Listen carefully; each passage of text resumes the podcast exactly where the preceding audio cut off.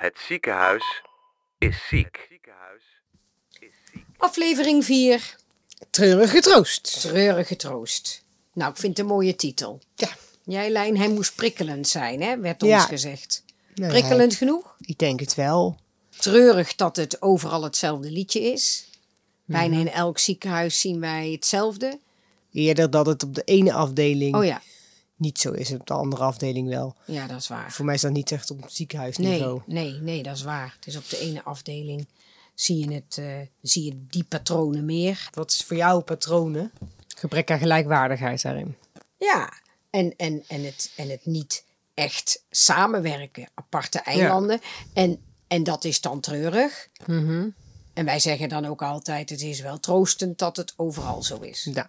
Maar dat vind ik de patronen. ja. Mee eens? Ja, en voor mij zit ook wel patronen in dat wij op heel veel afdelingen zien dat er een heel groot percentage is van verpleegkundigen, polymedewerkers, nou, maakt niet uit, die heel graag wil, die heel graag dat ziekenhuis eh, eh, mooi en lief wil Trots laten willen zijn, zijn. trots willen zijn op hun vak, ook, ook willen veranderen, vooruit willen.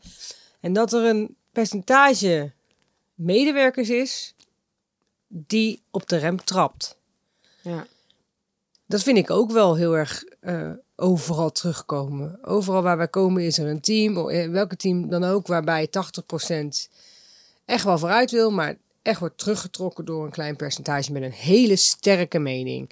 En die mening kan variëren van dit hebben we al ooit gedaan, dus we hoeven niet te veranderen, tot aan eh, wat er allemaal aan de Ik organisatie schort, of ik doe gewoon mijn eigen ding, of ik moet nog maar eh, tien jaar en dan Mhm. zie ik het wel weer. Eh, maar doordat die zo krachtig die mening profileren, houdt de rest ook een beetje in. ja, dat is een beetje dat treintje wat ik in, eh, toen wij eh, zo'n lange tijd stil hebben gezeten. Ja. Tijdens COVID ben ik zo'n treintje gaan tekenen. Ja.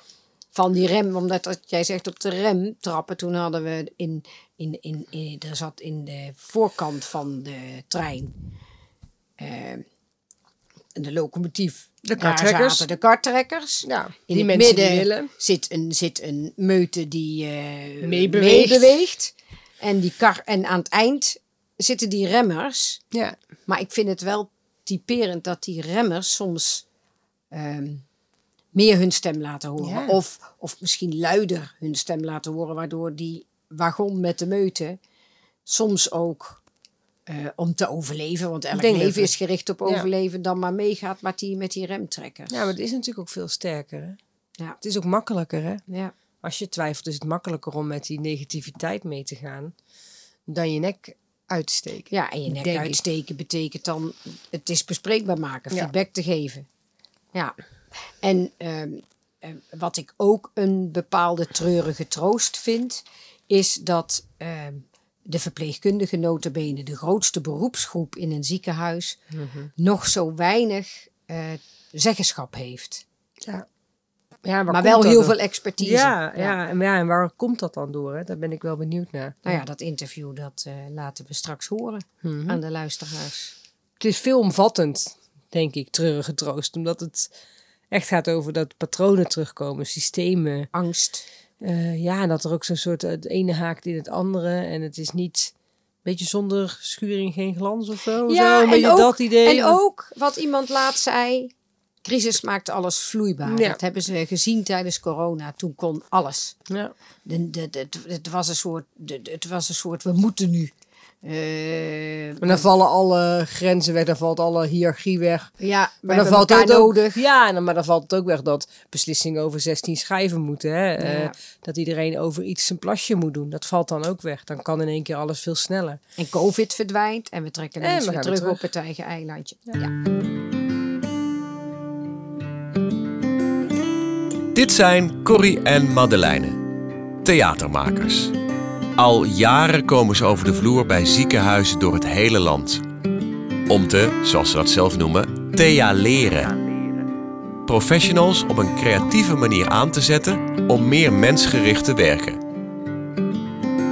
Tijdens al hun sessies komen Corrie en Madeleine tot één conclusie.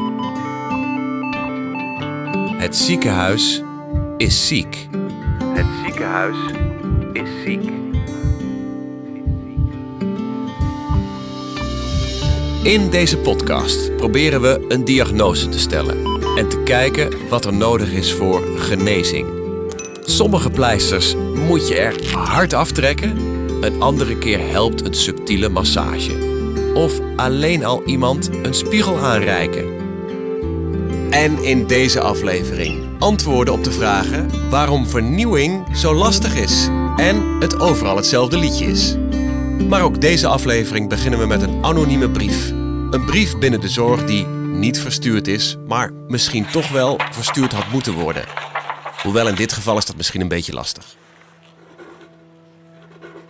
Lief ziekenhuis, het is nogal wat. Ik stort aardig wat over jou heen.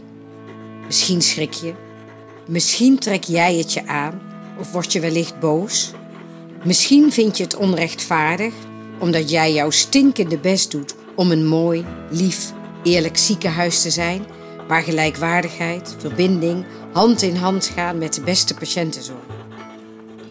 Mocht je teleurstelling voelen omdat het niet of nog niet gelukt is jezelf te helen, te genezen, treur dan niet. Je bent niet de enige.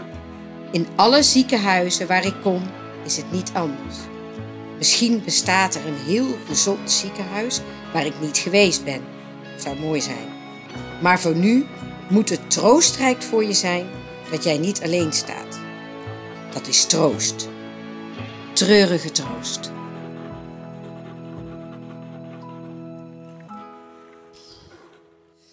Ja, we gaan nu eh, luisteren naar de fragmenten uit het interview met, ja, hoe zullen we ze noemen? Want ze wilden in eerste instantie niet hun eigen naam gebruiken. Toen hadden we andere namen bedacht.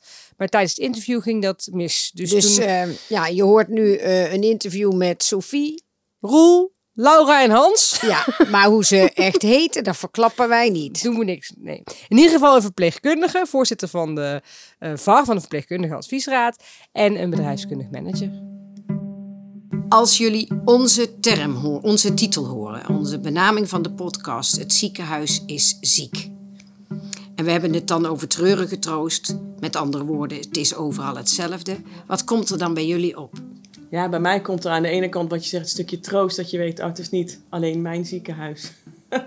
maar ook andere ziekenhuizen en tegelijkertijd ook de treurige van hoe komt het nou dat het ons niet lukt om als beroepsgroep zijn die zelf te verenigen en, ehm, en eh, dat stukje treurig eraf te halen. Dat is het eerste wat jij Ja. denkt. Ja, En jij, Hans? Ja, voor mij ook wel tweeledig. Aan de ene kant eh, ja, ook wel zoekende in van dat, dat verpleegkundigen eh, ja, toch wel primair aan de zijlijn staan. En eh, ja, overal wat van vinden. Maar, maar heel moeilijk van de kant komen van oké, eh, je kan er ergens wat van vinden. Maar, maar wat zijn dan eh, aanlokkelijke of aantrekkelijke alternatieven? En aan de andere kant ook wel wat jij net zegt, eh, eh, het ziekenhuis is ziek. Eh, dat klinkt heel, heel, heel zwaar, zeg maar. Maar ik denk dat dat- we vooral heel erg zoekende zijn, ook als zorgprofessionals, in ehm, wat gebeurt er in de maatschappij, wat gebeurt er in de gezondheidszorg en hoe kunnen we daar toekomstbestendige antwoorden op formuleren. En dat, dat ik er wel steeds meer achter kom dat je dat, die vraagstukken niet meer alleen vanuit het eh, medisch of verpleegkundig perspectief gaat kunnen oplossen. nee. Dus wij zullen gewoon eh, breder moeten gaan kijken. Ook andere partners bij een ziekenhuis of een andere zorginstelling betrekken. Dus voor mij zit het wel een beetje in, in hoe jij net ook je inleiding eh, verzorgde. De, eh, er komt gewoon een ander paradigma aan. Ook voor mijn gevoel. Hè. Het, is, het is alleen financieel al niet houdbaar. Als je ziet hoeveel zorg er op ons afkomt. En we kijken dat als je die lijn gewoon doortrekt naar 2030, 2040. Dan weet je gewoon dat het zorgsysteem nog verder vast gaat lopen dan dat het nu eigenlijk al aan het vastlopen is. Dus vanuit dat perspectief moet je het anders gaan doen. Maar ook de, de ontwikkeling van de zorgvraag. Vraagt ook op een, om op een hele andere manier naar zorg te gaan kijken. Ja. Maar aan de andere kant ook wel, het ziekenhuis is ziek. ehm, het, het, de continu eh, negatief profileren van, eh, van de gezondheidszorg. Hè, van het verpleegkundig vak. Van, hè, dus ook betrap ik mezelf ook wel eens op. En zeker ook in het verleden. Dat het makkelijker is om te mopperen over je werk. Dan dat je eh, het positief uitstraalt. Waardoor eh, eh, mensen denken van... Hé, hey, dat zou zomaar een interessant vak kunnen zijn. Waar ik, waar, ik, waar ik ook voor zou willen gaan. Ik denk ehm, dat we er nu aan toe zijn. Ik denk binnen onze organisatie willen we er heel graag naartoe gaan werken om onze professionals wat meer eh, ehm, eh, naar voren te zetten. Ehm, meer uitdaging bieden. Eh, hoe kan je ervoor zorgen dat je werk leuker wordt? Want als je uiteindelijk een leuk werk hebt, dan wordt je intrinsieke motivatie uiteindelijk helemaal groter. En voor verpleegkundigen betekent dat in mijn geval ehm, ehm, niet alleen sec het werk aan bed van de patiënt, wat wel heel belangrijk is, dus dat moet je wel gewoon blijven doen. Maar wat kan je daarnaast nog bijvoorbeeld doen om je werk nog leuker te maken? En om die verbinding tussen de werkvloer en beleidsmatig veel meer te kunnen maken. Is leuker, is dat ook professioneler? Dat is even een aanname van mij hoor. Maar... Ja, voor mij wel, maar dat verschilt natuurlijk per persoon, ja, denk ik. En, en, en eh, als, je dat, als je dit wat jullie zeggen ehm, nu plaatst in het plaatje van verpleegkundige versus specialist, de gelijkwaardigheid sowieso. Nou ja, kijk, als, als ik dan toch een voorbeeld mag noemen, wat denk Graag. ik. ehm, ehm, als je kijkt hoe dokters opgeleid worden, die worden eigenlijk al van meet af aan in de geneeskundeopleiding worden ze eh, opgeleid van zorg dat je je netwerk opbouwt. Zorg dat je lobbyt, zorg dat je in bestuurtjes zit, verenigingen. Dat je dus naast het, het zijn van dokter, van zorgverlener, eh, ook je netwerk om je heen gaat organiseren om, om de doelen te bereiken. Voor de patiënt, voor jezelf, et cetera. Ehm, maar dat zijn onderdelen die gewoon eigenlijk niet of nauwelijks in de verpleegkundeopleiding aan de orde komen. Ehm, ik zie wel steeds meer verpleegkundeopleidingen die, die moeite doen om eh, naar die bredere kenmetrollen te kijken. Dus, dus van wat heb je nou nodig om te kunnen ondernemen, om te kunnen coördineren, om regieverpleegkundige te zijn. Maar als je dan vervolgens in een zorginstelling gaat werken, waar je gewoon in een vast systeem gedrukt wordt van joh, eh, draai maar gewoon je diensten en dan komt het wel goed. Ja. Terwijl dat als je ehm, eh, bijeenkomsten organiseert en met verpleegkundigen het gesprek aangaat, dat, dat de mooie ideeën voor het oprapen liggen. Maar dan kom je een beetje op het punt van, ehm, is het dan gemopper als je dan terugkijkt van ja, weet je, we hebben geen ruimte op de afdeling, want alle formatie gaat op naar patiëntenzorg. Dus we hebben ook geen ruimte om anders naar dingen te kijken of beleid te maken. Of zit dat inderdaad dan in de intrinsieke motiva- motivatie van verpleegkundigen om naast het werk dat stapje extra te zetten om, om met beleid en, en ondernemerschap bezig te zijn? Ik stel vast jouw vraag van wat, wat is het verschil dan tussen eh, dokters en verpleegkundigen? Dat het dokters over het algemeen wel lukt om die tijd ook echt te organiseren. En dat dat voor verpleegkundigen dat dat minder goed lukt. En daar zie ik ook wel weer een verschil tussen dokters in loondienst en dokters die vrij, vrij gevestigd zijn. Eh, verpleegkundigen natuurlijk in, in loondienst. Ehm, maar daar horen we natuurlijk ook alweer verschillende verhalen in de praktijk. Eh geldt ook voor de OK en dingen dat ehm, de autonomie die ZZP'ers ervaren eh, versus eh, personeel in loondienst, daar zie je ook weer verschil tussen. Dus ehm, ja, ik, ik, ik, denk dat het deels in gedrag zit, maar deels ook wel in het systeem waarin we de verpleegkundigen laten werken. Ik, eh, ja, het is jammer dat je het niet in een podcast kan zien, hè, maar het blikveld van de verpleegkundige is echt gericht op, op de afdeling waar ze werken. Eh, en niet heel veel buiten, eh, buiten je afdeling. Dus eh, als je als verpleegkundige al wat meer zou weten, bijvoorbeeld hoe de financiering van een ziekenhuis werkt, hoe dat zit met zorgverzekeraars, hoe komt het geld überhaupt binnen in een ziekenhuis, dan kan je dus ook, weet je dus ook beter aan welke knopje je kan draaien. En als er tegen je zegt van ja, daar hebben we geen geld voor. Ehm, weet je, dan weet je waar dat vandaan komt en je kan er beter op acteren. En, eh, en dat is wat Roel ook zegt van qua opleiding. Wat krijgen we allemaal en hoe kan je dat toepassen in de praktijk? Ja, in, in mijn HBOV-opleiding, maar dat is inmiddels heel lang geleden, eh, kreeg ik dat soort dingen niet. En dan zal je een aanvullende opleiding moeten doen. Maar ik denk dat het wel nodig is voor de verpleegkundige om beter... eh, naast die patiëntenzorg, wat je natuurlijk als verpleegkundige je basis is, heb je veel meer nodig. Ja, wat jij zegt, alle ziekenhuizen hetzelfde liedje. Uiteindelijk is je doel natuurlijk patiëntenzorg. Ehm, je productie, dat is hoe je ziekenhuis geld binnenkrijgt. Dat is het systeem waar je nu in zit. En dat is hetgeen wat eigenlijk zou moeten veranderen. Wil je, eh, ja, wil je vooruit gaan. Ja. Ja. waardegedreven zorg, daar zit je heel erg op het spoor van het goede gesprek. Ehm, preventie, nou, dat is precies wat Laura ook, ook eh, Ja. uitlegt. Ehm, eh, eh, dat, dat is niet wat, wat, wat in de ziekenhuizen zeg maar, gehonoreerd wordt. En daar is het systeem dus ook niet op ingericht. Dus we zijn nog veelal op reparatiegeneeskunde ingericht. Terwijl dat de sleutel voor de toekomst juist op die andere domeinen ligt. En ik denk juist dat de verpleegkundigen bij uitstek daarvoor opgeleid worden. Voor dat goede gesprek met de patiënt. Wat zijn nou die waarden van die patiënt op basis waarvan je een goed behandelplan kan wegzetten? Dat doe je niet even in 10 minuten een kwartiertje bij de dokter in de spreekkamer. Nee. Nee, dat doe je door verpleegkundigen die daar goed voor opgeleid zijn, dat goede gesprek met die patiënt te laten voeren. Heel dat preventieve domein, case management, de patiënt volgen, telemonitoring. Ik zie dat allemaal gebeuren in dat verpleegkundig domein. En toch blijven we zo redeneren langs die medische as. Dat vind ik gewoon heel opvallend. En Ja. dat tegenover staat dus dat het heel makkelijk gezegd is, maar we dat als verpleegkundige beroepsgroep niet goed, goed uitgewerkt krijgen of niet uitgelegd krijgen. Waardoor dat, dat zorgsysteem ook niet. eh, En waar niet stagneert dat dan precies? Ja, daar, daar hebben jullie natuurlijk al voorbeelden. Nou ja, ik kan je al één frustratie uiten. Dat Ja. is dat ik in een ziekenhuis werk waar drie bestuurders zitten en nul met een verpleegkundige achtergrond. Dus dan denk ik, hoe kan het nou dat op strategisch niveau niet eh, het verpleegkundig domein eh, vertegenwoordigd is, terwijl dat, dat zeker richting de toekomst zo'n belangrijk perspectief eh, Ja, gaat zijn. En wat ik gewoon merk is dat het gewoon nog niet in de.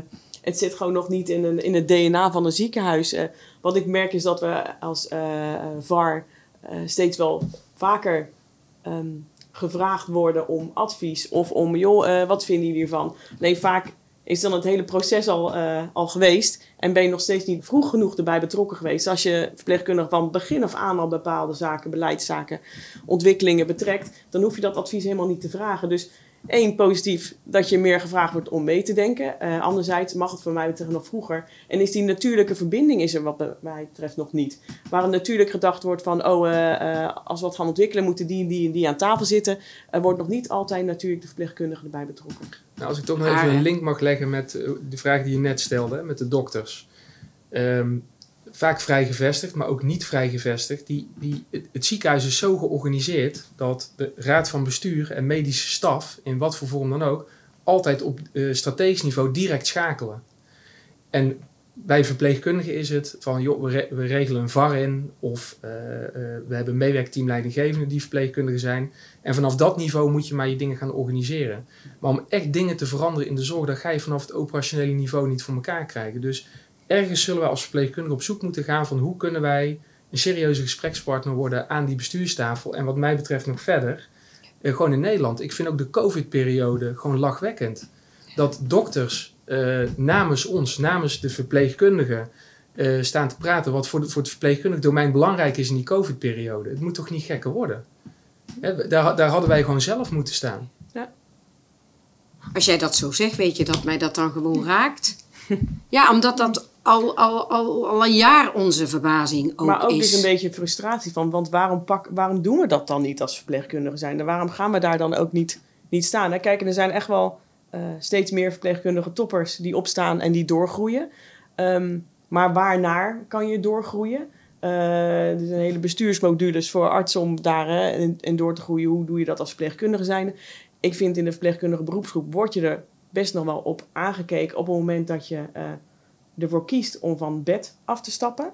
eh, om jezelf door te ontwikkelen. Ja, we hebben handen aan het bed nodig. Heb je nou weer een kantoordag vandaag? ja, zit je weer Eh, aan je laptop? Zit je weer aan je laptop? Ja, maar dat is wel... Verpleegkundig werk is niet alleen eh, eh, handen aan bed. Dat is ook handen eh, aan de keyboard, toetsenbord. Om eh, mee te helpen dat beleid te ontwikkelen. Voor mij zit het, dit onderwerp ook op leiderschap en lef. Hè, ben jij inderdaad, eh, eh, zit je op een leiderschapspositie waarbij je zegt, eh, ik, ik heb baat bij dat, dat het allemaal een beetje door blijft lopen zoals het nu loopt en dat iedereen gemiddeld tevreden is? Of ben je inderdaad een visionair en zie jij de problemen en waar, waar moet de zorg naartoe? En stimuleer je juist de collega's die, die de eh, hoofd boven het maaiveld uitsteken, dat je dat gedrag stimuleert. Ehm, en het- ik wil niet gelijk aan de verpleegkundige koppelen. Ik vind het ook wel iets maatschappelijks, ook Ja. wel iets Nederlands. Mm. Hè, dat als je eh, je nek uitsteekt, dat, eh, dat je eerst een bak kritiek over je heen moet krijgen. En als je dat gepasseerd bent, dan pas kan je door met je, met je nieuwe, eh, vernieuwende, vernieuwende idee, zeg Ja. maar. Het ziekenhuis is ziek. Ik vond dit een mooi interview. Zo. Ja, we hadden eigenlijk alles wel kunnen verwerken. Ja, we hebben moeten, we hebben moeten knippen. Ja. En eh, we hadden het allerliefst het hele interview erin gestopt. Ja. Ja, maar toen dacht ik wel nog terug aan een interview wat we hebben gehad met nog iemand. Eh, bedrijfskundig manager, die ook eh, in veel ziekenhuizen al had gewerkt. En die ging Oh ja. in op eh, ja, hoe eigenlijk elk team een beetje ingedeeld Die drie is in groepen. die drie groepen. En toen dacht ik, ik moest daar wel aan denken toen ik tijdens het interview hun hoorde praten. Dacht ik, oh, maar dat was ook wel heel interessant wat hij zei. Ja, maar dat was wel, ik geloof, ons allereerste interview. Ja. En toen was ik niet zo best nog in goed luisteren, omdat ik zo zenuwachtig was. Ja, Ja, we hebben wel gefilterd wat we moesten filteren. Je moet Is- gewoon door iets ja, ja, ja, ja heen luisteren. lieve luisteraars, als u mij heel veel ja, ja, ja hoort zeggen, weet dan dat ik weet dat ik dat gedaan heb. Ja. Ja, ik vind het wel waardevol. Maar het was wel waardevol. Jawel. Het, het klopte volgens mij heel erg wat hij zei. En je hebt mij er ook wel heel veel uitgehaald als ik er Dat met mijn ik. rebel tussen zat. Hè? Hoop ik. We gaan even naar, eh, naar hem. Je moet eigenlijk gewoon naar zo'n team kijken. En elke Ja. laag heeft denk ik zijn eigen drijfveren. Om, om even een hele grove verdeling te maken. Ik, ik heb daar, het daar onlangs ook over gehad met, eh, met HR-functionarissen. In het ziekenhuis waar ik nu zit, en ik zie het ook wel breder, maar, maar in ieder geval het, het team waar ik nu leiding aan geef, daar zie ik grofweg drie lagen. Ik zie de laag starters. Dan heb ik een soort middenlaag. Hè. Die starters die zijn een beetje 25, 30 zo, hè, in die eh, hoek. Dan heb ik zeg maar, de middenlaag, de 40ers. Ehm, en je hebt zeg maar de seniorenlaag, de 55 plus. Grappig genoeg is, ehm, een van de problemen die ik signaleer daar is dat als je aan die 55-plussers gaat vragen, van nou, hè, hoe gaan, die moeten nog, sommigen dus nog gewoon 10 jaar, Ja. hè, 5 tot 10 Ja. jaar. Dat is in mijn ogen heel lang. Ja. Ja, als ik over 5 tot 10 jaar denk, dan denk ik, ja, dit toch geen totaal, dit is nog gewoon eh, een kwart van mijn leven. zeg maar. Ik ben ja. 40 dit jaar. En, ehm, maar die mensen zeggen eigenlijk allemaal, nou, ik vind het wel goed zo. Ja. Ik ga niet meer onwijze grote, hè, die heb je een jaargesprek mee en dan ga je nadenken over wat zou je allemaal nog willen. Die vinden het een beetje uitdiezelen, hè, hoor je ook wel eens. Die Ja. Dat hoort een beetje bij die, bij die groep. Ja, dat, maken wij. Dus dat maken wij als we meelopen Ja. en interviewen altijd mee. Precies, nee, dat, ja. dat hoeft voor mij niet Die meer. groep die uitdieselt. Ja. Maar die jonge generatie, die is ook heel vluchtig. Hè? Dus die, die weet eigenlijk, als ik ook in jaargesprekken Ja. of gewoon één op één gesprekken aan de vraag van... joh, hoe ziet het nou voor jou je, je carrièrepad eruit? Ze hebben echt geen idee. Echt geen idee. Wat ze wel willen, is ze zijn heel erg gebrand op ontwikkelen. Dus wat je ziet, het zijn allemaal doorstromers. Dus, dus je ziet, hè, ze zitten misschien één of twee jaar op een afdeling, misschien drie. Ze willen cursussen en opleidingen volgen. Ja. Ze willen eigenlijk na één of twee of drie jaar willen ze al gaan specialiseren. Ja. Maar De oude generatie, die ging echt na 10 of 15 jaar een keer specialiseren. Ja. Moest je echt aantoonbaar kennis en ervaring hebben voordat je een IC-opleiding ging doen, een SEH-opleiding. Nu mag je al na een jaar dat je gediplomeerd bent, mag je de SEH-opleiding al gaan doen. Ja, ja. Eigenlijk allemaal ingegeven vanuit schaarste. Hè, maar voor die jongeren, die hebben allemaal het idee, ah mooi, en dan ga ik naar de ambulance. En op een gegeven moment zijn ze voor hun dertigste al helemaal klaar. Ja. Helemaal klaar. Heb je, je je diploma verpleegkunde gehaald, je hebt je specialisatie 1 gedaan, je hebt specialisatie 2 gedaan. En op je dertigste ben je klaar en denk je, ja, wat ga ik nou eens doen? En dan heb je ook nog de groep in het midden zitten. Ik noem dat zelf een beetje de bruggeneratie, dat zijn de veertigers. En de veertigers hebben best wel een grote uitdaging, denk ik. Die hebben al 20 jaar gewerkt. Dus die hebben best wel wat meters, hè, 25 jaar, die hebben best wel wat meters erop Ja, zitten. ja. Maar die moeten ook nog 25 jaar. En die groep, die zit een beetje stak in de middel. Ja, Die ziet die oude groep een beetje uitdiezelen. ja, En die ziet die jonge groepen komen en gaan. En die gaat het allemaal niet snel genoeg en dit en dat. En die groep veertigers, en ik spreek ze letterlijk elke dag, die zeggen... Ik weet niet hoe leuk ik dit nog wel vind. ja, dat Als ik dit nog ook. 25 jaar moet doen, Ja. er verandert nooit wat. Het blijft altijd maar hetzelfde. Ik doe dit werk al 20 jaar, weet je. Het is allemaal, eh, wat is het, oude wijn in nieuwe zakken. Ja, Ehm, als, als dit nog zo blijft gaan. En in die veertigersgroep, daar zit ook nog wel een hele grote groep. Die heeft zich laten omscholen van mbo naar hbo. Ja. Met het idee van dat die functiedifferentiatie dan opkomt. Hè, dat we meer inderdaad ook gaan doen met het stukje professionaliteit. Ook in de verpleegkunde. Er is zoveel kennis dat we niet benutten. ja. Het zit erop. Het zit erop. Treurig. Treurige troost. Treurige troost. Ja. Weet je, ehm, ik kijk heel erg uit naar de volgende aflevering, want dat is de aflevering van De, De Hoop. Hoop. Maar stiekem vond ik deze aflevering, Treurige Troost, ook al heel veel hoopvolle dingen in te Ja, hebben. maar het zijpelt heel erg door de interviews heen, hè, die hoop. Want je hoort mensen echt wel dingen zeggen eh, waarin blijkt van we willen vooruit en we willen dit en we gaan En er is iets in- aan het rommelen. Ja, En, en, dus ik, ja, nee, het zit overal wel in verweven, vind ik. En ik, ik heb, we hebben de laatste maanden ook veel mensen gesproken die heel strijdvaardig zijn. Ik kan me Hella nog herinneren. zo, Daar hebben we ook nog een fragmentje van, dus dat is leuk om daar zo naar te gaan luisteren. oh, dat stukje waar, waar zij over eh, de coronatijd vertelt. Ja, ja, dat is minder, dat, dat was iets meer treurige troost nog. Jawel. Maar zij was wel super strijdvaardig. Ja. En zij wilde echt eh, dat die verpleegkundigen veel meer te zeggen kregen. Ze hadden daar ook al een, een stafbestuur, een verpleegkundig stafbestuur in dat ziekenhuis. Dus dat zijn wel mooie ontwikkelingen. Ja, nou, ik zou zeggen, laat even horen. Hella aan het woord. In de COVID-periode hadden we elke ochtend een beleidsteam bij elkaar komend en een crisisteam was er. Daarin zaten alle disciplines van het ziekenhuis waren daarin vertegenwoordigd. Dus mensen van de facilitaire dienst, artsen, OK, een verpleegkundige. Um, en toen vonden we elkaar en toen werkten we samen met elkaar. En nu merken we, nou COVID over is, dat de vergaderingen er niet meer zijn in de ochtend, tenminste niet zo breed.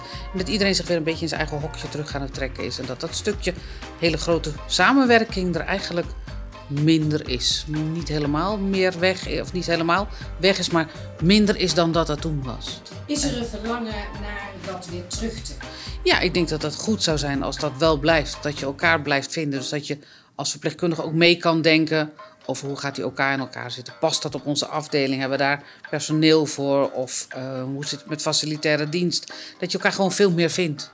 Maar wat is nou de exacte reden dat ze dat dan nu niet meer doen? Omdat het weer teruggaat naar zoals het was. Dat het stukje weer tussen aanhalingstekens normaal was zoals we het altijd deden. Dat denk ik. En dat het wel weer op kan vlammen als er dadelijk weer iets crisisachtigs komt. Dat we dan ineens denken, oh jee, we moeten elkaar weer vinden. En die, die structuren liggen er nog wel allemaal. Maar de dagelijkse samenzitten met alle disciplines, ja, dat is er niet meer. Nee, en we kunnen ook niet stellen het ziekenhuis genezen. Dan moeten we gewoon een permanente crisissituatie Nee, liever niet. Nee, nee. nee. nee, liever niet. Lijn, ik weet niet hoeveel tijd wij nog hebben, maar ik zou nog graag uh, het stukje van de arts willen laten horen. We hebben ook gezegd dat zij nog terug zou komen. Mm -hmm. En zij vertelde over betrokkenheid en zij vertelde ook uh, over uh, als je niet mee wil, niet mee wil ontwikkelen. Ja. En dan heeft ze het ook echt over artsen. Ik denk dat, dat vroeger veel meer dingen solistisch gedaan werden. En nu is het veel meer samenwerken uh, met verschillende specialismen. Maar dat betekent dan ook dat je van elkaar ziet, ziet wat je doet. En dat kan soms um, um, ja, confronterend zijn of beangstigend of, of um, he, ja, toch lastig dat andere mensen zien wat je doet en wat het resultaat daarvan is. He, dus die, meer die transparantie uh, erin krijgen, dat, dat vinden sommige mensen eng. Mam, ja. heb jij nog iets toe te voegen? Want we hebben nu best wel veel gezegd. Ik vind van niet. Ik vind, uh, waar ik blij mee ben, is dat er al een hele mooie opzet naar de hoop is gemaakt. Ja. En ik vind het wel leuk om te eindigen met een verpleegkundige die wij kennen. En uh, ik denk dat zij voor ons ook het voorbeeld is van al die toffe, lieve, leuke, mooie, professionele verpleegkundigen die wij kennen. Nou, hoeveel zijn het er? Die echte kartrekkers. Talloze. Ja. Uh, laat even iets van haar horen. En dan zijn we klaar. Ja, het, we hebben natuurlijk een prachtig vak, hè? Wat is er Het zo zo- prachtig het- aan dit vak? Het is, nou ja, het is eh, zorgen voor een patiënt. Eh, als ik naar mijn rol kijk, ik heb al heel overkoepelend. Hè, dus ik zorg eigenlijk dat het hele proces rondom de operatie van een patiënt met een, eh, voor een colonoperatie eh, of een stoma, zodat het goed loopt. Maar ik kan ook met name die patiënt die krijgt bij mij, als ze een stoma krijgen, krijgen ze een boodschap. Vaak, je hebt kanker en een stoma. Nou, het is best heel heftig. Ik kan de boodschap niet veranderen, alleen ik kan wel samen met die patiënt kan ik ervoor zorgen dat het acceptabel wordt. Dat ze ermee kunnen leren omgaan, zodat we over een aantal maanden kunnen zeggen van poeh, die strijd heb je wel even gevoerd of je bent er doorheen en ze kunnen die stoma kunnen ze mee omgaan, accepteren, eh, doen wat ze willen. Dat maakt het mooi. Dat ik bijdrage kan zijn aan hun proces. En tot zover deze vierde aflevering van Het Ziekenhuis is Ziek. Meedenken of deze podcast aanraden? Graag. Deel en like de podcast in je podcast-app of reageer via corrybrox.nl. Tot de volgende keer, dan aflevering 5 over hoop. Het ziekenhuis is ziek.